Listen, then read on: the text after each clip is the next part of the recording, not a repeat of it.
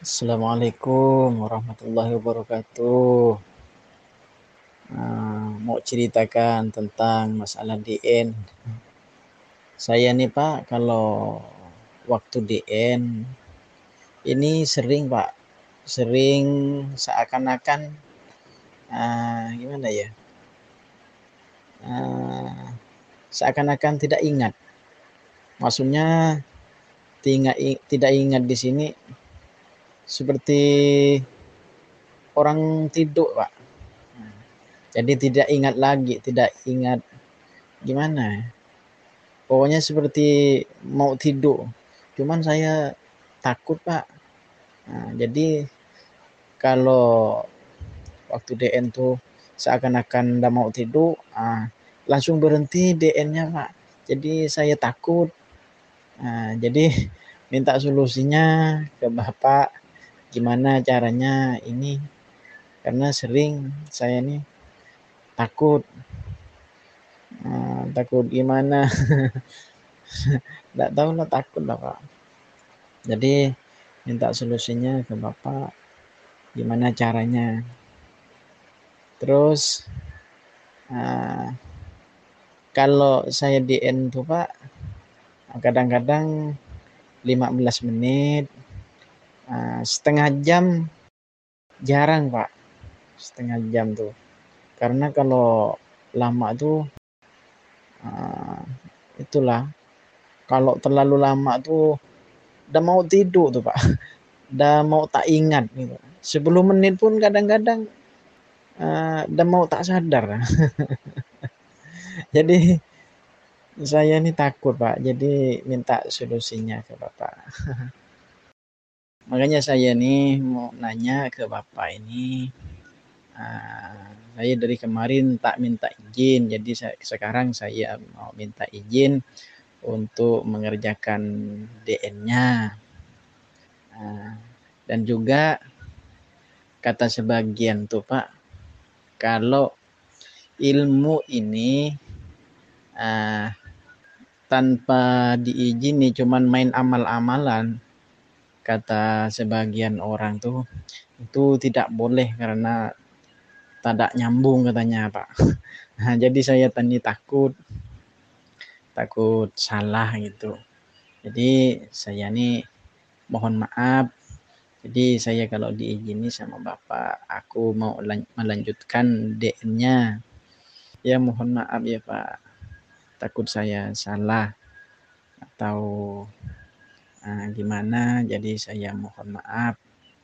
Mudah-mudahan ilmunya Bapak mudah-mudahan menjadi manfaat kepada saya untuk sekeluarga. Amin ya robbal alamin. Kurang lebihnya saya mohon maaf Pak. Wassalamualaikum warahmatullahi wabarakatuh. Waalaikumsalam warahmatullahi wabarakatuh Terima kasih banyak Pak Rudiansah. Ini nampaknya kalau nggak salah saya orang Banjar ini ya, logat-logatnya ini. Ya, sebenarnya dalam mengamalkan zikir nafas itu kita tak perlu takut ya. Segala sesuatu yang membuat kita takut itu karena tak ada ilmu. Ya. Karena belum tahu makanya kita jadi takut ya. Kalau kita sudah ada ilmu pasti tak takut. Sama halnya seperti Allah bilang sesungguhnya para wali-wali Allah itu tidak ada takut dan sedih hati. Kenapa mereka tak bersedih? Mengapa mereka tak takut? Karena mereka sudah ada ilmu, ya. Semua kita kalau tak ada ilmu pasti takut. Ya. Apa contoh dalam kehidupan? Nah, saya ulang-ulang aja nih orang yang tak paham listrik coba suruh pegang kabel itu. Misalnya ada kabel yang konslet ya. Ada stop kontak kita itu yang terbakar. Coba ganti stop kontaknya. Pasti dia tak berani. Pasti dia takut karena tak ada ilmu ya. itu dari segi kehidupan. Sama halnya seperti Nabi Musa. Nabi Musa ketika Allah tunjukkan kebesarannya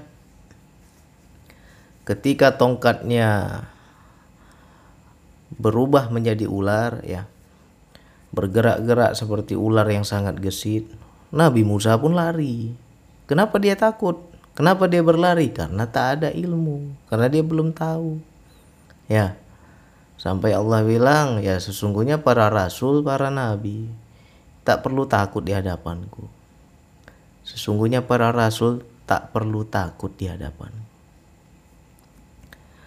Ya. Nabi Musa juga manusiawi, ada insting manusiawi, normal ya. Tetap kita ini ya manusia. Jadi sifat-sifat manusiawi kita tuh ada. Takut juga lumrah, bukan berarti sesuatu yang jelek takut itu. Cuman biasanya karena kita belum ada ilmu. Sama halnya seperti kita berzikir nafas, seperti Pak Rudi bilang, saya tuh zikir nafas tak pernah lama bang, baru 15 menit saya sudah hentikan. Karena kalau sudah terlalu dalam, terlalu lama saya amalkan, di situ saya jadi tertidur, saya takut. Takut yang bagaimana? Mungkin takut nggak sadar lagi ya kan? Takut nggak kembali lagi. Itu karena kita tidak punya ilmunya. Ya. Akhirnya timbullah berbagai macam prasangka. Bagaimana nanti kalau aku tertidur? Bagaimana kalau aku hilang kesadaran? Bagaimana yang terjadi nanti? Aku bisa kembali lagi nggak? Ya kan? Sebenarnya sama seperti kita hendak tidur. Ada nggak jaminan kalau kita pejam mata, kita tidur malam ini, besok pagi kita akan bangun? Ada nggak kepastian? Ada nggak jaminan? Nggak ada. Nggak ada suatu jaminan kita besok bakal bangun lagi. Tetapi karena tidur itu perkara yang lumrah, ya orang nggak takut lagi. Dia paham, ah malam aku tidur, paling pagi aku akan terbangun. Begitu berulang-ulang sampai puluhan tahun ya kan sampai sudah tua kita udah umur berapa kita tiap hari kita tidur dan itu terjadi berulang-ulang ya menjadi suatu pemahaman dan kita menjadi hilang rasa takut. Ya jadi begitu juga zikir nafas. Kalau saat ini teman-teman takut ya. Karena teman-teman ya banyak menimbang-nimbang berpikir negatif berprasangka begini begitu. Sehingga untuk mendalami zikir nafas jadi terhalangi. Ya kan padahal saya selalu bilang kalau zikir nafas itu nggak boleh di bawah 30 menit. Kecuali kita ini sudah terlatih. Kalau sudah terlatih mau 10 menit 15 menit mungkin udah masuk kita ke jiwa. Tapi bagi pemula bagi orang-orang yang baru belajar itu minimum 30 sampai 40 menit lah. Itu minimum bukan maksimum ya. Minimum paling sedikit paling sebentar itu 30 menit baru kita masuk kepada jiwa Nah sedangkan kita baru 15 menit sudah ketakutan duluan kita hentikan DN-nya. Memang benar di zikir nafas itu daya ngantuknya kuat. Ya. Jangankan 15 menit bang, 7 menit, 10 menit udah ngantuk bang berat mata ini. Seperti hanyut saya ke dalam diri, seperti hilang kesadaran jasad saya. Tapi ya di situ juga harus dihafal-hafal proses trans itu ya. Proses perpindahan kesadaran itu harus kita hafal-hafal. Oh sekarang nih aku lagi di kesadaran jasad. Nah ketika berpindah dia pada kesadaran jiwa itu ada proses Nah pintunya adalah ngantuk. Nah karena kita nggak ada ilmu kita hentikan baru 15 menit udah berhenti. Macam mana kita akan paham diri? Macam mana kita akan paham sejatinya diri? Bagaimana kita akan paham kesadaran jiwa? Ya nggak paham-paham. Ya, ya itu juga semua karena nggak ada ilmu. Nah, jadi mengenai pertanyaan tadi, bagaimana bang? Saya ini pernah mendengar atau sering mendengar ilmu itu kalau nggak minta izin itu nggak ada keberkahan nggak akan sampai nggak akan tersambung jangan salah teman-teman ya segala sesuatu ilmu yang beredar di di segala media baik dari buku baik dari internet dari blog ya baik dari Facebook atau dari YouTube kita menyimak suatu bidang ilmu tertentu, itu pertanda orang itu sudah mengizinkan. Jadi ngapain lagi minta izin? Sama halnya seperti saya, kalau saya sudah upload di YouTube berarti saya sudah izinkan. Kapan saya nggak izinkan ya? Kalau saya nggak izinkan nggak akan saya tayangkan, nggak akan saya upload di YouTube. Kalau memang belum kehendak Allah, simpan rapat-rapat, jangan kau sebarkan kata Allah ya saya nggak akan tayangkan di YouTube. Berarti yang sudah saya tayangkan berarti sudah saya izinkan. Ya. Agar apa? Agar manfaat. Agar apa? Bisa dipelajari banyak orang. Jadi nggak perlu lagi minta izin. Ya. Makanya kita jangan sampai terjebak pada pepatah atau mitos-mitos terdahulu yang penjelasannya nggak jelas gitu. Bilang kalau belajar itu harus minta izin. Kalau nggak ada izin nggak nyambung kepada Allah. Nggak sampai ilmunya. Tanya balik. Kenapa harus begitu? Tanya kembali. Ya cuman manfaatnya mungkin kalimat yang benar tuh begini. Kalau memang kita menjumpai suatu bidang ilmu tertentu dari internet ya. Kan banyak orang-orang yang anti internet kalau kita bilang. Kamu kalau belajar itu harus ketemu langsung gurunya. Jangan belajar sendiri di internet. Itu nggak ada adab. Itu nggak akan sampai ilmunya. Bisa benar bisa salah. Ya bisa benar bisa salah. Yang benarnya bagaimana? Perkataan bahwa kalau kita belajar di internet itu berbahaya. Apabila seseorang tersebut hanya memberikan suatu bidang ilmu tapi kita nggak bisa komunikasi. Ya. Ya ini yang berbahaya baca dari internet sebuah bidang keilmuan kita pelajari nah ketika kita bingung kita mau nanya sama siapa nah itu yang sulit ya jadi lebih baik cari yang ada tempat kita bertanya Nah, sama macam saya. Walaupun saya berbagi di YouTube, saya kan membuka ruang. Kalau teman-teman punya pertanyaan berkaitan zikir nafas, silakan komen di YouTube. Kalau saya baca, saya pasti jawab. Ya. Kalau saya ada waktu, ada perintah, jawab kata Allah, saya jawab. Sama halnya seperti sekarang ini. Bertanya lewat WhatsApp, ya saya jawab kalau memang ada perintah. Kan enak kan seperti ini kan. Jadi kita belajar itu bukan hanya sekedar mengambil suatu bidang ilmu tapi kita ketika kita bingung. Ada tempat untuk bertanya itu yang utama. Jadi bukan soal internetnya, bukan soal onlinenya, bukan soal kalau ber, nggak bertatap muka itu nggak jalan nggak sampai ilmunya salah. Ya. Sekarang ini sudah beda zaman. Kalau zaman dulu kenapa orang selalu hendak belajar menjumpai seorang guru? Naik gunung turun gunung dia luar biasa itu pengorbanan orang-orang terdahulu ya. Dia hendak belajar hendak mengaji ilmu makrifat ini. Jauh-jauh dia datang. Betul-betul dia jumpai gurunya dia belajar betul-betul. Ya. Itulah yang dikatakan salik para pejalan. Jadi dia betul-betul belajar itu ya penuh rintangan nah sedangkan kita sekarang Allah sudah memberikan fasilitas Allah sudah memberikan internet ya Allah sudah memberikan kemudahan. Jadi kita jangan anti internet, jangan anti online ya. Ketika ada orang yang mengajarkan suatu bidang ilmu dengan secara online, tidak offline, tidak tatap muka, terus kita bilang nggak ada keberkahan, siapa bilang? Ya, keberkahan itu tergantung diri kita sendiri.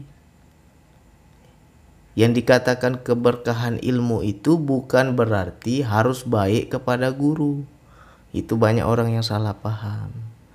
Makanya ketika dia menjumpai sosok guru, dia beradab kepada guru, dia dewa-dewakan gurunya, dia sembah sujud gurunya, padahal sama orang tuanya belum tentu seperti itu.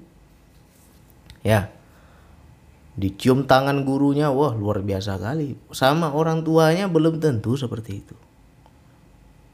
Nah, itu yang banyak orang salah paham. Karena ingin ilmu, dia beradab, tapi karena ilmu. Ya. Nah, di situlah banyak menjadi berhala-berhala diri. Padahal sejatinya keberkahan ilmu itu apabila kita belajar, kita mengamal menerima segala keilmuan lalu kita melakukan ilmu yang diajarkan.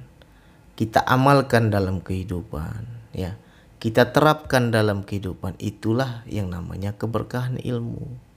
Apabila kita menjalani sesuai apa yang diajarkan seorang guru, patuh kepada guru, ya, selagi yang dia arahkan kepada Allah tidak niku-niku, tidak berlebihan. Yang dia tunjuk Allah, Allah, Allah, Allah. Bukan aku, bukan diriku, bukan gurumu, bukan. Nggak ada dia berkiblatnya ke guru, dia suruh kita berkiblat kepada Allah langsung. Nah, itu guru yang betul. Lalu kita ikuti ajarannya. Walaupun kita nggak tatap muka sama guru itu, walaupun kita tidak istilahnya ya tidak ada kita silaturahmi secara zohir ya. Paling kita hanya lewat media online saja bisa dari YouTube bisa dari internet bisa dari mana aja atau secara online lah istilahnya. Tetapi segala keilmuannya kita serap kita amalkan baik-baik. Pasti sampai. Ya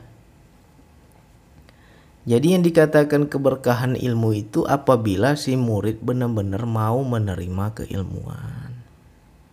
Jangan kita membatasi ya. Ilmu Allah itu jangan dibatasi. Banyak di sini teman-teman yang kalau kita bilang ya membatasi diri. Salah tafsir ya. Kau kalau belajar itu jangan sama guru online belajar itu sama guru mursid yang betul-betul langsung. Datangi gurunya jumpai orangnya. Banyak orang udah jumpa guru nggak dapat juga. Banyak ya. Nggak jaminan. Begitu jumpa guru apa? Yang terjadi gurunya yang dia dewakan bukan Allah. Apakah itu adab sesungguhnya? Bukan itu adab berilmu bukan itu adab menuntut ilmu salah ya jadi buang semua kalau nggak ketemu bang nggak sampai ya bang ilmunya siapa bilang hmm? Intinya kita bisa menyerap keilmuan sebaik-baiknya. Jangankan kita tidak bertemu secara zohir ya. Misalkan kita belajar dari seseorang yang bisa dikatakan ini orang kita nggak pernah ketemu ini. Tapi ceramah-ceramahnya di internet itu luar biasa. Ketika kita menyimak ceramah-ceramahnya itu, masuk ke hati kita dan kita terapkan dalam kehidupan. Ya. Wah, ini ceramahnya bagus. Wah, ceramahnya indah. Wah, ceramahnya masuk akal. Masuk logika saya, saya bisa menerima. Akhirnya kita amalkan. Padahal kita sama orang yang berceramah itu dengan guru itu tidak saling kenal. Tidak tegur sapa. Ya, tapi selagi kita menerima keilmuannya sungguh-sungguh pasti sampai. Jangankan dengan orang yang masih hidup. Walaupun kita dengar ceramah orang yang sudah mati pun ilmunya masih sampai. Karena saya sudah membuktikan. Saya pun belajar dari guru yang sudah meninggal dunia. Sampai sekarang ceramah-ceramahnya masih ada. Masih sering saya dengarkan, masih sering saya amalkan. Padahal orangnya sudah meninggal. Tapi ketika kita tulus menerima keilmuannya, sampai dapat ilmunya itu. Dapat berkahnya itu. Ya. Jadi bisa dikatakan mengalir itu keilmuan ya kalau dilihat-lihat diri saya dulu nggak pandai ngomong. Nggak pandai bicara nggak pandai ceramah seperti ini nggak pandai. Tapi karena saya sering mendengar audio beliau ya kalau beliau memberikan pelajaran memberikan pengajian kepada murid-muridnya secara online lewat WhatsApp dulu ya kan. Jadi enak dia bilang saya ini hanya tukang dongeng. Jadi kalau ada yang cocok ambil. Kalau nggak cocok ya jangan dimasukin hati. Ya kan? Wah enak sekali nih. Akhirnya itulah yang mengalir di diri saya. Saya bisa juga seperti itu sampai sekarang. Berarti itulah yang dikatakan keberkahan ilmu. Apa yang dia dapat saya pun dapat. Itu tandanya sampai ya walaupun saya nggak pernah tegur sapa sama orangnya. Padahal orangnya sudah meninggal.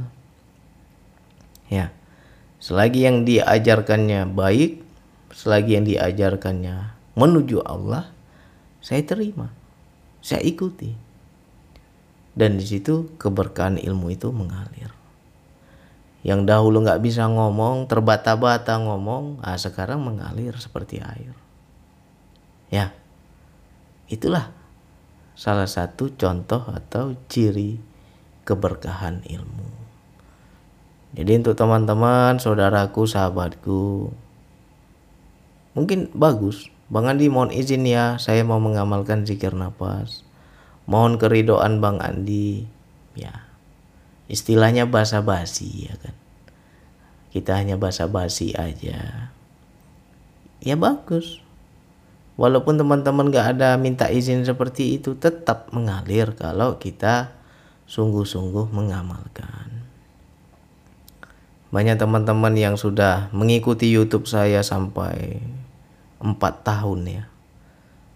Tiga tahun apa empat tahun itu? Bang Andi saya sudah tiga tahun atau empat tahun itu belajar sendiri dari YouTube Bang Andi.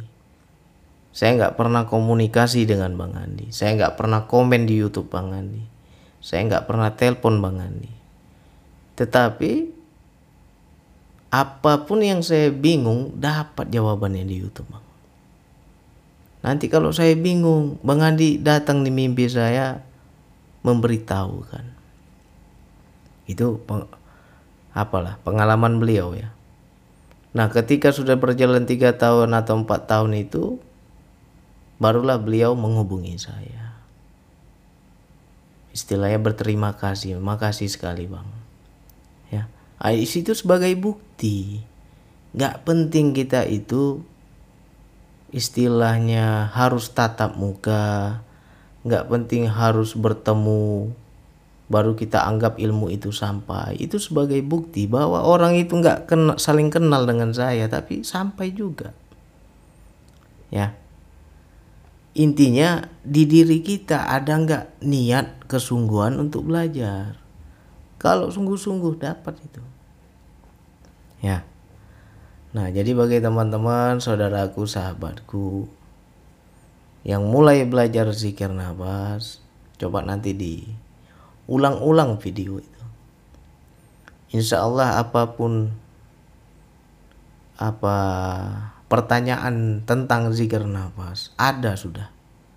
Sudah ada semua itu di YouTube itu. Sudah saya jelaskan semua. Ya. Makanya jangan sampai kita membatasi diri. Jadi nggak perlu lagi kita beranggapan kalau nggak ketemu nggak akan sampai. Itu salah tafsir kita. Ya.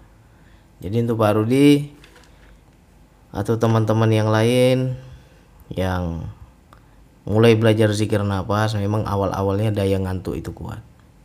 Bang saya baru 10 menit udah ngantuk berat sekali bang. Saya takut bang. Mau saya teruskan takut saya nggak kembali lagi bang. Jadi jangan takut lain kali jangan takut. Yang kita hendak tujukan Allah ngapain kita mau takut? Ya. Yang hendak kita tuju itu Allah seharusnya rindu bukan takut ya jadi amalkan zikir nafas sesuai tata cara yang ada jangan di bawah 30 menit karena kita belum paham kesadaran jiwa usahakan di atas 30 menit. Agar apa? Daya masuk kepada jiwa itu dapat kita. Ini baru proses di pintu aja kita udah hentikan ya nggak masuk masuk lah sampai kapan pun nggak akan ngerti zikir nafas ini. Ya. Jadi untuk saudaraku, sahabatku, diulang-ulang lagi. Mudah-mudahan terjawab jika ada pertanyaan yang sama, ya kita istiqomah terus mudah-mudahan Allah memberikan kekuatan untuk selalu terus mendekat kepada Allah selalu sadar kepada Allah selalu berisan kepada Allah sehingga ketika kita mendapatkan keisanan kita akan semakin bertakwa kepada Allah. Amin ya Allah. Oke hanya itu yang bisa saya sampaikan. Wassalamualaikum warahmatullahi wabarakatuh